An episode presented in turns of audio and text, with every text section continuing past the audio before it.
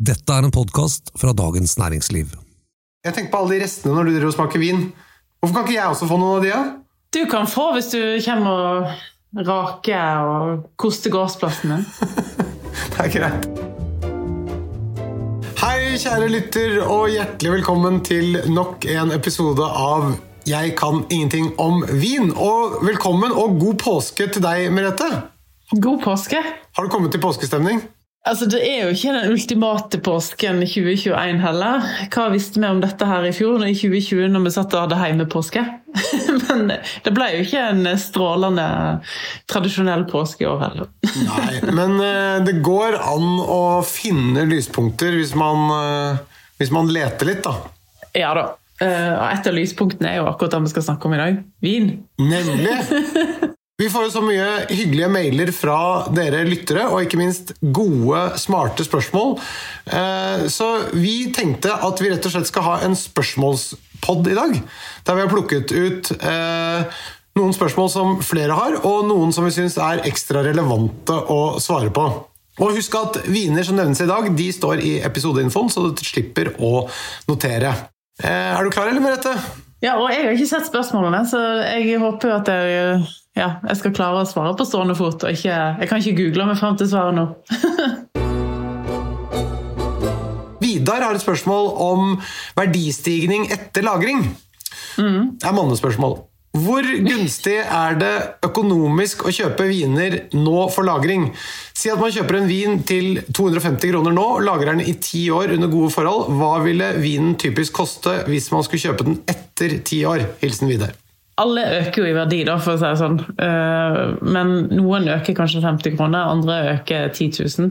Eh, Så det er veldig vanskelig å forutse. Men en kan jo si områder da, som f.eks. Burgund. Hvis du kjøper en up and coming ung produsent i dag som koster lite nå i forhold til de andre, Men de koster kanskje ikke 250? Nei. Litt høyere, men hvis du sier da eh, en produsent som jeg liker veldig godt, som du liker veldig godt, som heter um, Kokar i Burgund, som forholdsvis er et ukjent navn, men problemet her er jo tilgjengelighet. Så dette er jo bare sånn på spesialslipp og sånn, men dette er jo det som kommer til å øke mest i verdi, tror jeg fortsatt. Dessverre. Eh, og hvis du kjøper de enkleste vinene for han, som koster 300-400 kroner, eh, så kan det jo tenkes at hvis en selger det på auksjon om ti år, så får en eh, kanskje 1000 kroner flaska, da. Som er en ganske ok verdistigning. Hvis du selger hvis du kjøper noen kasser, da. Eh, Et ekstremt eksempel er jo f.eks. en produsent som heter Comte Cherbelair, som jeg nett sjekka for når jeg skrev om han i 2012, så koster hans enkleste vin ca. 350 kroner, og i dag er prisen Hadde du solgt på auksjon i dag, så hadde du sikkert fått 3000 på ei flaske. Eh, og det er jo helt eh, Det er jo et ekstremt tilfelle, men han var jo et ukjent blad for ti år siden. Men du tar jo alltid en risiko. Det er jo ikke sånn at du, du veit at dette kommer til å stige. Og så er det vel også en sånn blanding av hva skal vi si for noe kvalitet, vinstil og deres evne til å promotere seg. fordi at eh, det har jo litt å si hvor mye hype rundt det blir eh, selve vinen også.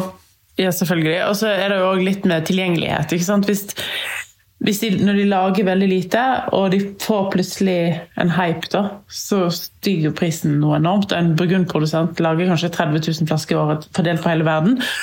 Og da går det jo fort unna når, eh, når hypen kommer. Tyskland òg. Tyske gode Riesling-produsenter kommer definitivt til å stige. Eh, og tysk god Chardonnay òg kommer til å stige. Bordeaux, da? Hva tenker du om det? Bordeaux er litt på stedet hvil for øyeblikket. Faktisk gått litt ned noen ganger. Eh, der er det så sinnssykt mye vin. Her er det liksom det som bestemmer. Jeg tror ikke en kommer til å se de største prisstigningene der i framtida. Um, en annen ting òg, men det er vanskelig til 250 kroner, er champagne. Moden champagne fins det så lite av at hvis en lager, lagrer helt standard kuveer til gode hus, så vil en få igjen for det.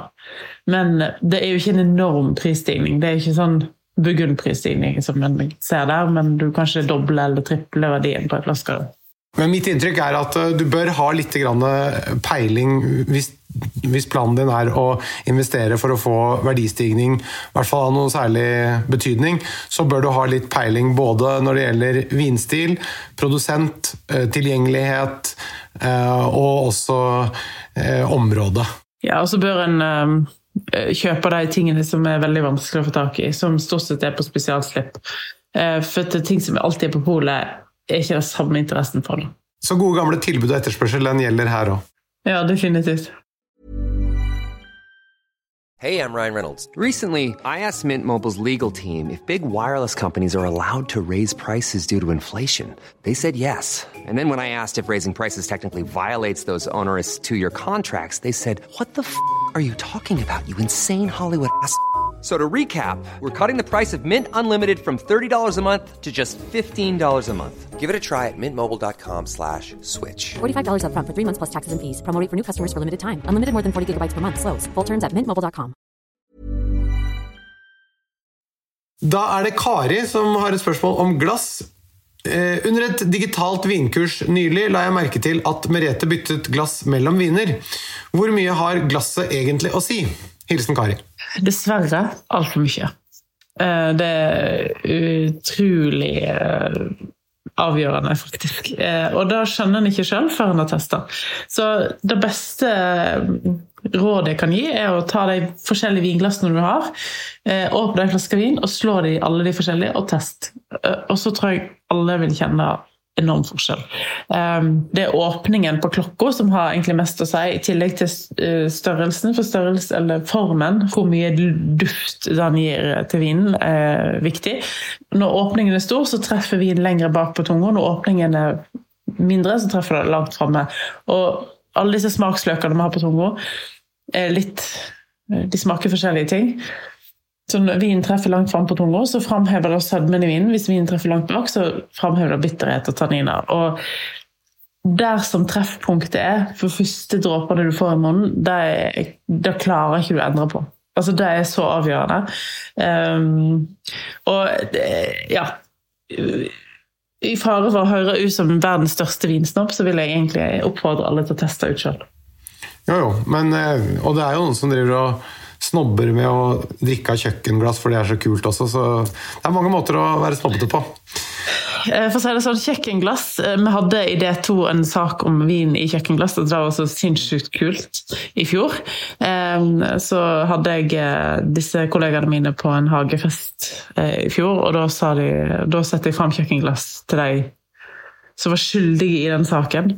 Ja. Men de, de, endte opp med vinglass med stett deg òg. men, men har de laget den saken i D2 der de retter opp det, nei, den feilen? Nei! Nei! Jeg, var ganske, jeg var ganske sur på den saken. Jeg sa tenk da, du har en vinbonde som har gått og trakka i disse vinmarkene i kanskje 1000 år, eh, i generasjoner, og slitt og jobba hardt for å få fram de beste druene i verden. Skal du ødelegge hele opplevelsen med å ikke gidde å ta fram et vinglass? Det er det minste du kan gjøre eh, som konsument.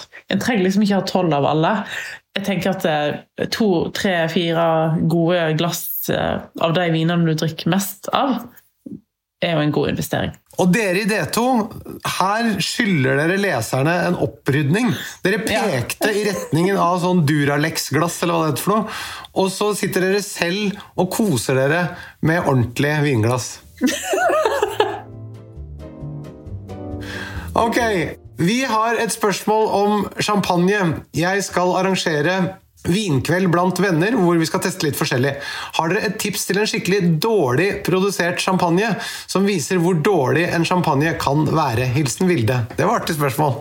Noen av de produsentene jeg syns ofte skuffer veldig, særlig med standardkuveen sin. For alle har en toppkuvé som er god, liksom. Men eh, standardkuveen til champagneprodusenter som eh, Pommery, som Mum, eh, som Nicolas Fayat, mm.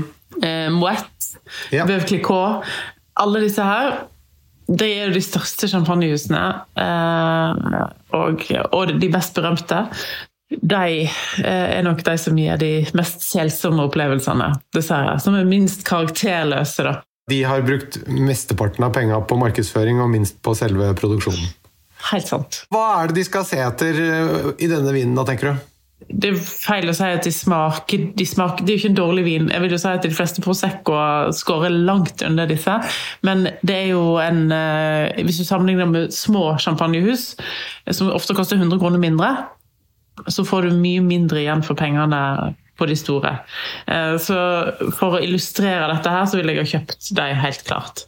Eh, Og så er det noen sånne billige champagnehus òg, som, som har champagne til eh, ja, sånn rundt, rett under 300 kroner, som er en sånn magisk grense. Eh, Alle som selger rett under 300 kroner, selger ganske godt, men de er ganske sånn nøytrale og kjedelige. Smaker litt lite, er litt korte, eh, er litt sånn karakterløs. Ja. Korte, da. Altså kort, eh, kort Altså ikke, ikke noe lang ettersmak, da. ja. Men, men eh, kunne, kunne du ikke anbefalt også da noen alternativer som disse kan smakes ved siden av, så man kjenner forskjellen og, og kan se om man kan sette pris på den? da? Ja, for eksempel eh, Hvis du, hatt, du hadde Moët, da, eh, eller Veuve Clicquot, som kommer fra det største champagnekonsernet i verden, eh, så kan du sammenligne den sammen med Charles Heidsieck, f.eks., som jeg vet du er veldig glad i. Det koster omtrent det samme, og begge to er non-vintage. Eh, Non-vintage betyr at det er mange forskjellige årganger i én eh, champagne. Og så det er da standard huskuven.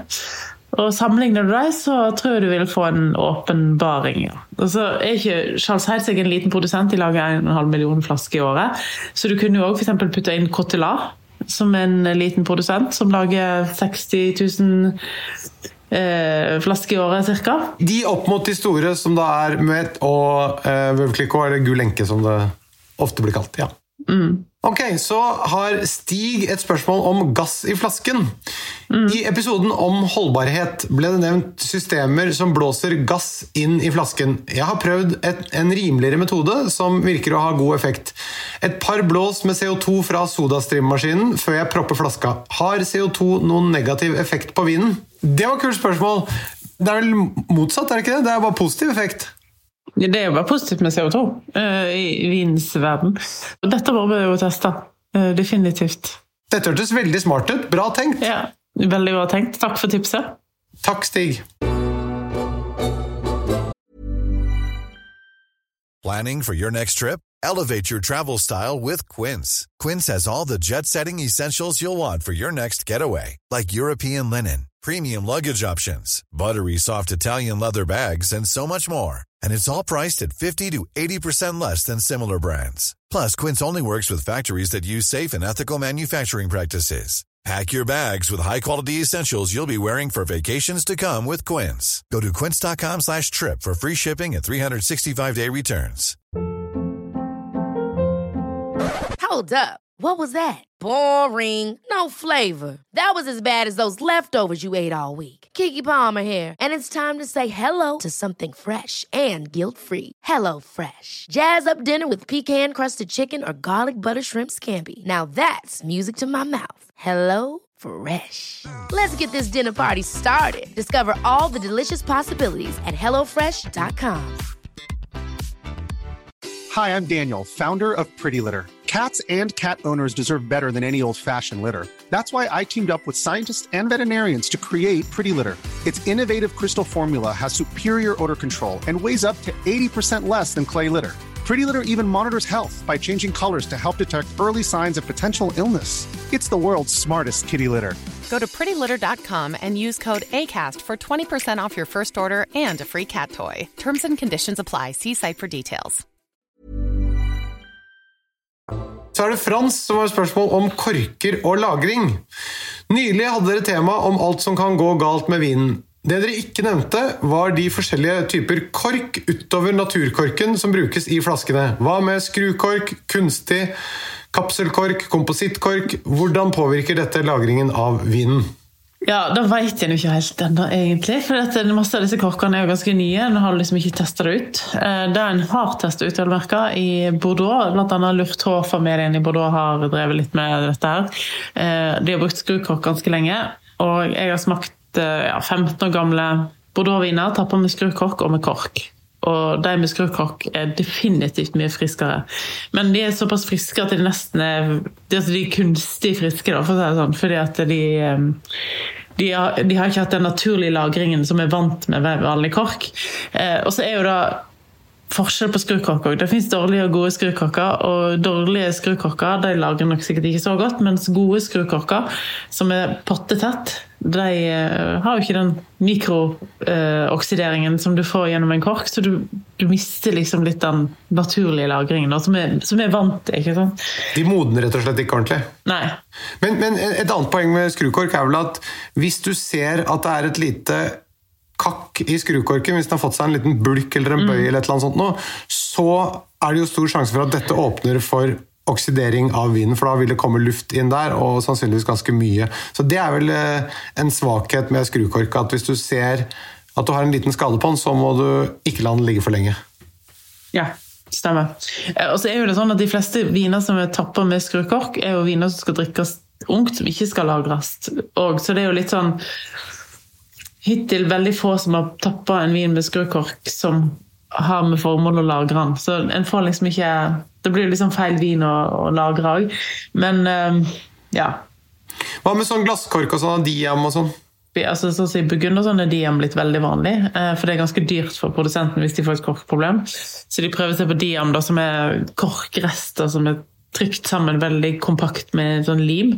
Men jeg har, jeg har liksom ikke noe erfaring med det mer enn fem-seks år, og da er det vanskelig å si om noe har skjedd galt eller rett. Liksom. Men de skal jo angivelig lagre vel så bra som kork, da, eh, i teorien. Så får vi jo se. Jeg hadde kjøpt en flaske vin, en burgunder, som jeg hadde gledet meg veldig til. Og så åpner jeg opp, og så er det sånn glasskork. Jeg må si, det, det er veldig sånn usjarmerende. Ja, Hvordan føles det? Nei, Jeg bare, jeg bare åter, jeg liksom gleder meg. Jeg vil ha en naturlig kork. Jeg vet ikke, det er jo sikkert, Dette er jo bare irrasjonelt, men det er bare noe med sjarmen. Jeg, vet ikke, jeg, altså jeg føler det omtrent som at eh, hvis du, hvis du, har med deg en mann hjem, og så oppdager du at han har plastpenis, er ikke det La dildoen gjøre jobben, liksom? Nei, da har det blitt litt sur. Jeg bare, det bare føles så unaturlig på en eller annen måte. Ja, nei, Jeg er helt enig. Altså, Glasskork funker jo fint. Ofte i Østerrike så bruker en veldig mye glasskork. Uh, ja, jeg ble helt satt ut av den dilloen ennå, men det, det sagt, det er jo mange menn som ikke har noe problem med kunstige pupper, så hvis man liker det, så kanskje man syns glasskork er ålreit. Det er jo ja, silikon, plast Ja, ikke noe problem. Transplantert hår. Ja. Her får man se hva man liker best, og hva som føles mest naturlig. For det er et følelsesspørsmål også, da. Det er, jo, det. Altså, det er jo bare det. Ja. Men nå lukker vi det kapitlet og går til Sørens spørsmål om å lukte. For å lære seg å gjenkjenne dufter og aromaer i vinen, vil dere anbefale aromakits eller bare ut og lukte på ting? Ut og lukte på ting. Uten tvil. Fordi hvis du lurer på hvordan kanel lukter, gå i krydderskuffen. Gå, gå, ut i naturen, lukt på blomstrene. Gå ut i naturen og lukt på frukt og grønnsaker. Og, ja. Igjen det um, naturlige. Vi er tilbake til det samme. ja. Det, jeg syns at ja, sånne luktekit liksom Alt er jo stort sett rundt deg i kjøleskapet eller i krydderhylla eller ja, når du begynner å bli litt sånn bevisst på hva du lukter rundt omkring Det kan være en pest, en plage, rett og slett. Sånn, det er en grunn til at jeg nesten aldri tar T-banen, for jeg syns det lukter så insane dårlig. eh, og når jeg går ned på en T-bane og kjenner liksom Går forbi ja, sikkert ti mannfolk da, som har på et eller annet tidspunkt stått og pissa langs den der eh, stien ned. Eh, og du kan nesten lukte hva de spiste i går, liksom. Og drakk. Og da, og da, sånn, da, føler jeg meg som en jævla hund, liksom. Men jeg, jeg bare syns det er så disgusting. Og da, da, er det en grunn til å ikke ta Da tar ikke jeg T-banen, liksom. Ok, men bare for å oppsummere. Lukt på naturlige ting. De er overalt. Du trenger ikke noe kit. Og eh, du har mer enn nok av luktreferanser i eh, hverdagen. Det er bare å høyne bevisstheten. Mm. Anders har et spørsmål om poengskalaen.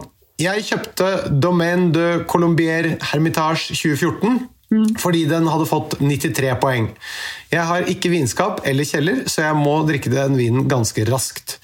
Etter kjøpet eh, så jeg at oppgitt drikkevindu var fra 2022 til 2030. Når vinen har fått 93 poeng, er det et uttrykk for vinens kvalitet på smaketidspunktet, eller uttrykk for vinens potensiale. At den trolig er 93 poeng mellom 2022 og 2030. Takknemlig for svar. Hilsen Anders. Ja, litt sånn vanskelig spørsmål å svare på, egentlig. Men 93 poeng er jo liksom summen av den opplevelsen jeg har når jeg sitter med det glasset, og potensialet. Så kan det jo hende at uh, i 2028, at uh, hvis jeg hadde smakt den på nytt, så hadde jeg gitt den 94 poeng, da, eller 92. Uh, men det er jo liksom ikke så langt unna. og så kjenner jo jeg vin ganske godt, har smakt den i mange tilfeller, så jeg veit liksom hva jeg kan forvente med lagring i en sånn årgang fra den produsenten. Så det er liksom en sum av min opplevelse, min erfaring, min hva jeg vet at jeg kan forvente av den vinen. Da. Så, men hvis du ikke 2022 altså Jeg må innrømme at jeg husker ikke konkret den vinen, bortsett fra at jeg vet at produsenten er fantastisk og vinen er fantastisk. Så, så tenker jeg at du kan fint drikke nå, men tenk at du, dette er en kraftig rødvin. Tenk at du skal ha den til mat. Tenk gjerne litt sånn kraftig viltsaus til og, og et godt stykke viltkjøtt. Så tror jeg at du ikke trenger å tenke på at den her er for ung eller ja, Syrah er jo en sånn prisgitt drue som du kan drikke tidlig, og som du kan lagre litt. Så ikke er avhengig av lagring da, for å smake godt. Nei, den tåler det. Men, men poenget er vel at uh, kvaliteten er der fra dagen, men den er rett og slett ikke helt uh, moden optimalt sett. da. Ja. Den kan jo utvikle seg annerledes enn du forutser også. Ja, ja, selvfølgelig. Det har jo skjedd sikkert mange ganger. da. Noen årganger har vist seg å ikke være så lagringsdyktig som en trodde. Det er derfor jeg ofte er litt forsiktig med det drikkevinduet mitt. Folk lagrer ting veldig forskjellig. Stort sett lagrer folk for varmt og ikke for kaldt. Altså, det er ganske trist hvis du drikker den altfor seint. Det er bedre å drikke den eh, ja, at, du, at før den har begynt å fallere, da, for å si det sånn. Så det er bedre å være litt for streng enn litt for snill på det drikkevinduet, syns jeg. Ok, Så er det Kim som har et spørsmål om gaveviner. Vi har to gutter, født i 2018 og 2020, og ønsker å gi dem en kul, rød 25-årsgave. Bordeaux eller Barolo er nok tingen, og tenker seks flasker av 700-900 kroner. Tips til hva man bør vurdere? Hilsen Kim. Mellom 700 til 900 kroner. er Veldig fint med sånn prisantydning, for dette er det som egentlig er avgjørende hva en velger. Ja, Det må bli min favoritt fra, fra Bordeaux, og det er Langoa Bartaux eller Leoville Bartaux. Langoa koster litt mindre, normalt sett, sånn 600, mens Leoville ligger litt høyere, rundt 900. Og dette er viner som lett kan lagre lenge uh, uten problem, og uh, er en av de beste kjøpene du kan gjøre i Bordeaux. Nå er jo de guttene født i 18 og 20, så, så 18- og 20-årgangen fra Bordeaux, det er for tidlig å si noe om, er det ikke? I hvert fall 20. Uh, 18 er jo varmt og mye druer og, og sånn. Jeg har jo ikke smakt noe 18 ennå fra Bordeaux. Det er for tidlig. Uh, så jeg, jeg, jeg, tør ikke uttale meg helt før jeg, har, før jeg har smakt. Men uansett så er det noen Bordeaux-slott som nesten lager god vin uansett årgang. Uh, og da vil jeg ha gått for dem. Ok, Så et spørsmål som også er litt i slekt, nemlig uh, om lagring av champagne. Mm. Uh, er blitt fortalt at champagne skal oppbevares, lagres stående. Er dette korrekt? Hvorfor, hvorfor ikke? Mange sier at champagne kan lages stående fordi at uh, trykket i flaska er så stort. Oppi åtte atmosfærisk trykk i champagneflaska. sånn at oksygen slipper ikke til uansett. Ja, det går kanskje an å lagre de uh, stående, men helt på den sikre sida så lagrer jeg de liggende. sånn. Ja, så Poenget er å holde korken fuktig. Og, men i, i, kortere perioder så er det kanskje ikke noe problem at den er stående, men at det er det korrekte, det, det vil du avslå? Ok, Så er det eh, spørsmål fra Ellen, eh, som eh, lurer på noe angående vinsamling. Hvordan vet man hvor lenge vin kan lagres før den blir for gammel, og siden den endrer karakter ved lagring, hvordan vet man hva vinen passer til når den har blitt lagret lenge? Hilsen Ellen. Det var komplisert spørsmål. Ja, hvordan veit en det?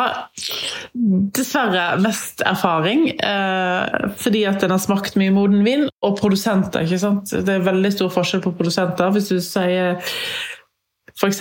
Barolo Barbaresco. Noen kan du drikke med en gang, andre trenger 20-30 års lagring. Eh, så det er liksom ikke noe fasitsvar, det er mest erfaring. Og så selvfølgelig når du smaker ting ungt, så kjenner du etter tanniner. Du må ha konsentrasjon, du må ha fylde, du må helst ha litt friskhet. Du må ha en frukt som du føler kan, har en struktur som kan ligge, eh, og som trenger å ligge. For det ofte så er en vin som har godt lagringspotensial, den er ikke spesielt bra som ung. Um, og eh, når du smaker de sånn, så tenker du at ok, dette her kan ligge, og da skriver du da at det drikkes ikke før 2030 eller sånne ting. Så det er mest erfaring. Og da kan man også lese seg opp hvis man ikke har den selv. Mm. og det andre delen av spørsmålet, nemlig hvordan vet man hva vinen passer til når den har blitt lagret lenge, så er det jo der er det vel dels litt generelt i forhold til vinstil og hvordan de ulike vinstilene utvikler seg, og igjen også konkret knyttet opp til hver og enkelt produsent og årgang, er det ikke det? Jo, og så føler jeg ofte at moden vin er lettere å kombinere sammen med mat enn fersk vin. Tanninene blir veldig mye mer eh, blir snillere, mer avslipt. Det snerper ikke så fælt? Ja, det snapper ikke så, så fælt. Og så er frukten eh, blir litt mer sånn nedtona. Den der ferske kirsebær, eh, plomme, solbærfrukten går over i litt sånn sopparoma og sånn, som, som, passer bedre med mat, uh, uten tvil. Så det blir gjerne litt, litt, bløtere og litt mindre sånn kranglete i munnen, da? Kan man si det? Absolutt. Og dermed også overkjører maten i mindre grad, kanskje? eller? Ja. Og så blir ofte alkohol litt mer integrert. Alkohol, høy alkohol har veldig mye å si i forhold til mat. Eh, så hvis det, da de 14 føles som 12-13, eh, så er det lettere å kombinere med mat. Det enkle svaret på spørsmålet er enten ha erfaring eller les deg opp på begge deler. Mm. For det er ganske mye god, konkret informasjon der ute om både årganger og produsenter. Så et enkelt Google-søk på den vinen du har i den årgangen, eh, er et fint sted å starte. Mm. Og så enda et eh, lagringsspørsmål. I episoden om lagring nevnte du Giovanni Rosso Barolo 2016 som et godt alternativ, men den forsvinner jo ut av polets hyller med en gang. Tips til alternativer jeg kan lagre i kjelleren og smake over tid for å se og lære hvordan den utvikler seg. Hilsen Daniel. Da kan jeg fortelle til Daniel at uh, Giovanni Rosso sin Barolo fra 2016 er nå inne igjen på polet. Oi! Men nå, nå, er den ute igjen hvert øyeblikk. Ja, ja. så nå, Daniel, hvis du er nå så ryddig at du, når du nå har stilt spørsmål, at du også hører på tidlig, så får du tak i vin. Og eh, tips til alternativ som kan lagre i kjelleren? Ja, altså Andre tips fra området da, er f.eks. Nervi sin Gratinara. Syns jeg er strålende å lagre i kjelleren. Kan ligge i veldig lenge. Eh, 10-15-20 år. Eh, det er jo litt samme priskategori. Eh, for Baroloen til, til eh, Giovanni Rosso koster 400. Eh, og er faktisk en av de aller beste kjøpene for øyeblikket fra, fra Piemonte, hvis du skal ha Nebbiolo. da. Hva koster Gatinaroen til Nervi, da? Kanskje 450. Han har økt litt i pris etter Conterno overtok. Conterno er da eh, Barolo-produsenten som ja, kanskje den mest kjente og anerkjente, er det ikke? Mm. Og når han kjøpte seg inn i Nervi, så sto det på framsida i største avisen i Italia. Så han er ganske kjent og tar seg godt betalt for det òg. og, og, de samme vinene da nøyaktig doblet seg i pris her i Norge. Mm. Altså disse Nerviene. Mm. Produktøren din Barbaresco er òg en produsent som der en standard Barbaresco koster 400, eller 390. Og når reservene kommer, eh, som de gjør eh, om ikke så lenge, så er jo det òg veldig gode kjøp. da. Et kooperativ som lager veldig bra viner? Mm, og lanserer da sine reserver 2016. Og de er rett rundt hjørnet. Så eh, et spørsmål om tysk mat fra Arild. Mm. Når man ikke kan reise fysisk, må man reise i vin- og matveien. Jeg skal servere røkt sveinehakse med surkål, hjemmelagd potetstappe og grov sennep som tilbehør. Hva tenker dere passer til? Hilsen Arild. Riesling. Ja, Det er en no-brainer, Arild. Det, det må det bli. ja, det er en veldig god kombinasjon. Eh, Røkt svinekjøtt eh, er jo fantastisk, og tyskerne er veldig gode på det. Og de er også veldig gode på Riesling.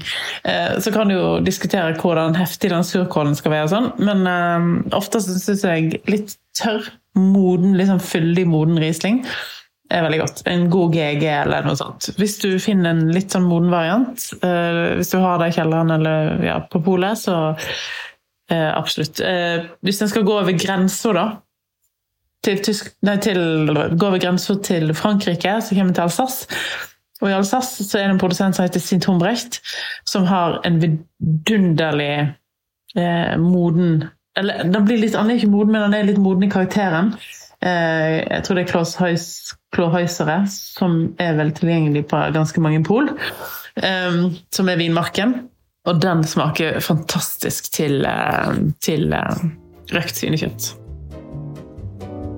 Nå begynner det å gå mot slutten her, men vi må ha et par spørsmål til.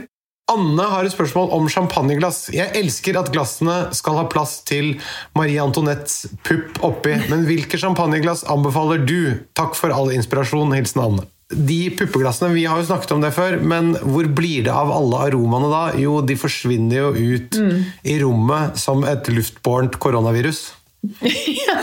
Det betyr at du ikke kan se og lukte det, eh, og du går glipp av det. Ja. Limen eh, sine champagneglass de er jo veldig innsnevra på toppen. De ser jo ut som en eh, veldig flott tulipan. Ellers så liker jeg òg Riedel sine Veritas. Eh, gjerne Performance, hvis du, som er litt sånn bølgete i glasset.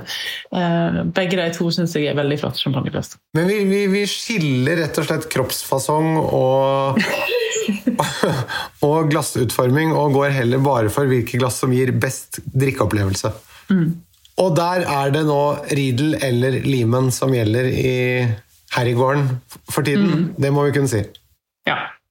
Så er det Margrethe har et spørsmål om champagne.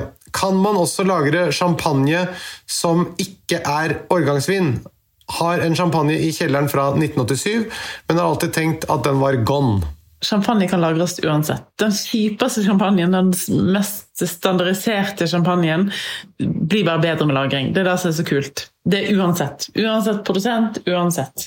Eh, Jeg har opplevd et par ganger at eh, noen dårlige champagner ikke lager godt, men er veldig, veldig få unntak. Um, og den fra 1987, nå vet jeg ikke hva champagnehus det er, men uansett, du lærer ingenting med å kaste i uåpna flasker. Eh, Så åpne den, smak den, og uh, gjerne i et festlig lag, så er det litt underholdende òg. Uh, og det er meget mulig at det, hvis den er laget kaldt, så er den mest sannsynlig fantastisk. Det kan hende at den har litt eh, mindre fart i boblene, men det er ikke nødvendigvis noe problem. Nei, når den er blitt såpass gammel, så kan det også hende at det, selv om man lukter litt sånn innestengt og litt muggent eh, i starten, la den få litt luft. Selv om det mister litt enda mer boble, eh, så trenger ofte champagne som har ligget lenge, litt luft. For å, og da kan det hende, hvis du går tilbake igjen til glasset om en halvtime, så er det en helt annen vin. Ja. Det er som oss mennesker også. Av og til er det bare å lufte litt. Ok, Så er det et spørsmål til om champagne, som kommer fra Henrik. Hvordan får man tak i gammel champagne? Sjelden man får tak i årgangssjampanje på polet. Er det egne slipp? Hilsen Henrik. Skulle jeg skulle si ja, det er egne slipp, og det er helt fantastisk mye årgangssjampanje, bla, bla, bla. Nei. Det eneste gangen vi har fått tak i mye gammel champagne i Norge, var etter finanskrisen, når disse champagnehusene sleit litt og hadde et salgsdropp i verden på 50% Da slapp de litt gamle champagner. Eh, og da var det mulig å få tak i. I dag er det ganske vanskelig å finne gamle champagner. Eh, det kommer av og til noen små produsenter, men det er veldig, veldig lite. Så champagne må du lage sjøl, sånn hovedsakelig. Eller så kan du selvfølgelig kjøpe på auksjon. Når Blomkvist har auksjon, så følg med der, for det kan dukke opp. Det blir ofte kostbart, selvfølgelig. Det billigste er å kjøpe og lagre sjøl, men det er jo et langtidsperspektiv, så du må liksom tenke 30 år fram i tid. Eh, hvis foreldrene dine eller besteforeldrene dine hadde tenkt det som du tenker, så hadde jo du hatt masse gammel årgangssjampanje i kjelleren, så ja, av og til må en tenke på neste generasjon. Å lære av andres feil. Ja. Du, ett spørsmål til før vi runder av.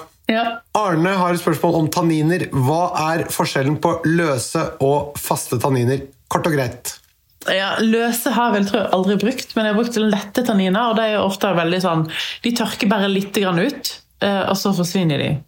Med faste tanniner da snurper det hele munnen. og Nå sitter jeg og trykker meg i ansiktet for å prøve å vise, det er jo ikke vitsig. Det er bare du som ser meg. Men eh, da er det sånn at det tunga henger fast i ganen, og du tenker uh, dette har ikke jeg lyst til å drikke.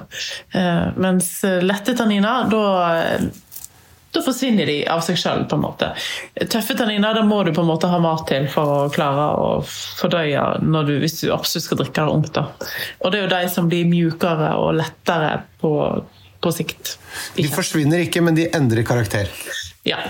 Ok, det var det vi rakk av innsenderspørsmål for denne gangen. Men fortsett å sende inn spørsmål og kommentarer osv. til vin at dn.no. Vi kommer til å ha flere spesialepisoder med spørsmål fra dere, så vi bare samler opp. Eh, det er så mange gode spørsmål som er nyttige for deg og meg også, Merete. Mm. Og så er det liksom kjekt å vite hva andre tenker og hva andre lurer på, for det er ikke alltid lett å, å sette seg inn i det. Så ja. God påske! God påske! Takk for i dag. Jeg kan bare glemme å sende den au pairen bort til meg for å rake løa. Altså. ja, selvfølgelig. Jeg sender barna.